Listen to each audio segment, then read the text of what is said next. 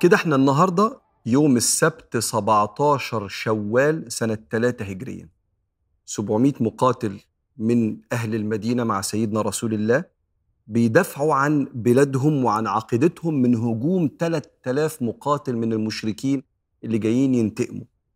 النبي صف الجيش وبعدين صلى الله عليه وسلم طلع السيف بتاعه وقال من يأخذ هذا السيف بحقه. فكل الصحابة طلبوا والنبي يقول لهم لأ مش أنت لأ مش أنت لغاية ما قام أبو دجان الأنصاري؟ وقال يا رسول الله وما حقه؟ فقال ألا يفر وأن يقاتل به حتى ينثني. فقام واخد السيف سيدنا أبو دجانه وربط العصابة بتاعته الحمراء وكانت عصابة يعني زي بندانة كده بيربطها لما بيخش في الحروب الكبيرة. ولما النبي صف الجيش عليه الصلاة والسلام شاف كده زي ثغرة في أرض المعركة إن الجبل الكبير أحد على يمنا وده مسافة كبيرة جدا لو حد لف من وراه صعب جدا ممكن ياخد عدد كبير جدا من الساعات مرهق للجيوش لكن في جبل صغير قد التل كده اتسمى بعد كده تل الروماة ممكن حد من المشركين يلف من ورا الجيش. فوقف عليه خمسين رامي بالسهم بقيادة سيدنا عبد الله بن جبير وقال لهم كلمتين في منتهى الوضوح قال يا عبد الله انت واللي معاك انبل عنا يعني ارمي بالنبل بالسهم عنا. لا نؤتين من قبلك. اوعى حد يلف من وراك إن كانت لنا أو علينا فلا تنزل. وأم قايل له لو رأيتمونا انتصرنا ونجمع الغنائم فلا تنزل. ولو رأيتمونا انهزمنا ونزلت الطير تأكل منا ومن رؤوسنا فلا تتبعون كلام مفيش وضوح بعد كده. أنتوا زي ما أنتوا لغاية ما نقول لكم انزلوا. صف النبي الجيش عليه الصلاة والسلام وبعدين أبو سفيان عمل كذا حاجة وهو بيقود جيش المشركين. بعت الأول زي مرسال كده للأوس والخزرج وقال ما جئنا لقتالكم إنما أردنا أولاد عمومتنا إحنا مش جايين عشانكم. يا أهل المدينة حتى لو مسلمين إحنا جايين للمهاجرين اللي مشوا من عندنا اللي هم أولاد عمنا. فاسمعوه ما يكره يلا من هنا. إحنا مع بعض كأننا إيه لحمة واحدة. وبعدين تقدمت هند هند بنت عتبة اللي هي مرات أبو سفيان بالدفوف هي والنساء تشجع المشركين.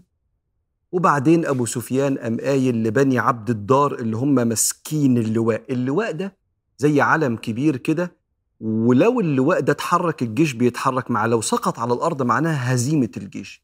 فقال لهم يا بني عبد الدار أنتوا كنتوا ماسكين اللواء السنة اللي فاتت في بدر واتهزمنا ناويين على إيه؟ فقالوا والله لا نفر يا أبا سفيان إحنا المرة دي بقى الغيظ حاجة تانية خالص. والمرة دي هتبدأ الحرب بالتحام الجيشين من غير مبارزة في الأول. يتقدم جيش المشركين جيش كبير جدا 3000 وإحنا 700 بندافع عن بلدنا من الهجوم ده.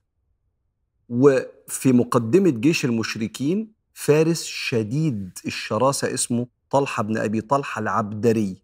وده من بني عبد الدار شايل اللواء وداخل على الحرب راكب ناقة كبيرة جدا شكله مرعب. فتقدم لي سيدنا الزبير ابن العوام وقفز قفزة وهو كان مشهور اللي يقرأ في سيرته إنه كان بينط عالي. وجابه من فوق إيه الناقة بتاعته وقتله وسقط اللواء. طبعا جري حد تاني من بني عبد الدار شال اللواء بس اللواء سقط قدام الجميع. وبدأ يحصل التحام الجيشين وسيدنا الزبير بيقول أنا كنت بالي مشغول بحتة أبو دجانة اللي النبي رفض يديني السيف بتاعه وأنا ابن عمته. وادى لابو دجانة هيعمل إيه بقى في الحرب؟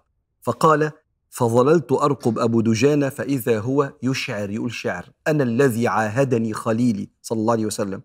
ونحن بالسفح لدى النخيل ألا أقوم الدهر في الكيول الكيول اللي هي مؤخرة الجيش. أضرب بسيف الله والرسول بيقول لقيته بيشق صفوف المشركين وأنا وراه هو عمال يشقها يشقها ما بيسيبش حد في طريقه وهو بيدافع عن جيش المسلمين لغاية ما يوصل للنساء.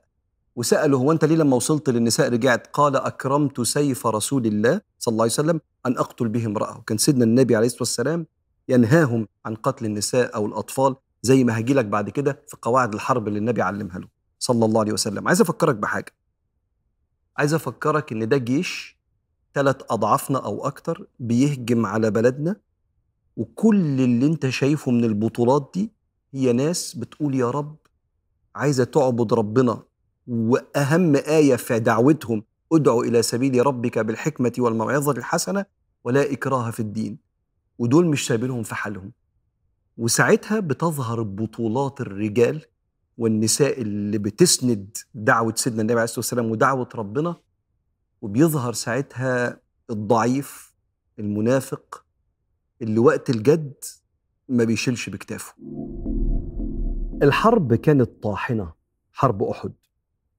وأنت لو ما عندكش حرب في بلادك وعايش في الأمان لا عندك حرب على الأوطان ولا حرب على الأديان احمد ربنا وخلي جهادك تحت تعريف العلماء.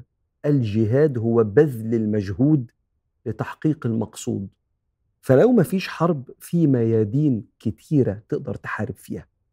لما سيدنا النبي عليه الصلاة والسلام شاف واحد قوي وعضلات فالصحابة قالوا يا لو ده بيحارب معانا لو كان هذا في سبيل الله فقال صلى الله عليه وسلم بينور لهم حياتهم وفكرهم تجاه الجهاد. قال لو كان خرج من بيته اللي أنتم شايفينه في الشارع ده لو كان خرج من بيته يسعى على نفسه ليعفه عشان ما يمدش ايده الحرام فبيشتغل فهو في سبيل الله. ولو كان يسعى على أبوين شيخين كبيرين بيصرف على أهله فهو في سبيل الله. ولو كان يسعى على ولد صغار حتى يطعمهم فهو في سبيل الله. فأنت اللي بيذاكر واللي بيشتغل واللي بتربي وأي حد بيعمل حاجة نافعة بيبذل فيها مجهود لتحقيق مقصود الله يحبه ويرضى عنه ورسوله هو ده الجهاد في سبيل الله. بتعريف العلماء لا علماء إيه؟ ده بتعريف سيدنا النبي عليه الصلاة والسلام النور. حاجة التانية شفت الحرب المنافقين الجبنة جريوا إزاي؟ المواقف بتبين المعادن والهزات اللي زي دي ابتلاء. الابتلاء يعني موقف يظهر الحقيقة اختبار موقف يظهر الخبر. فالاختبارات والابتلاءات دي بتبين حقائق مهم إنك تشوفها عشان كده ما تستغربش. تحصل اختبارات اولا تبين لك حقيقتك أنت جدع ولا بس كلام؟ فتراجع الصفة دي في نفسك.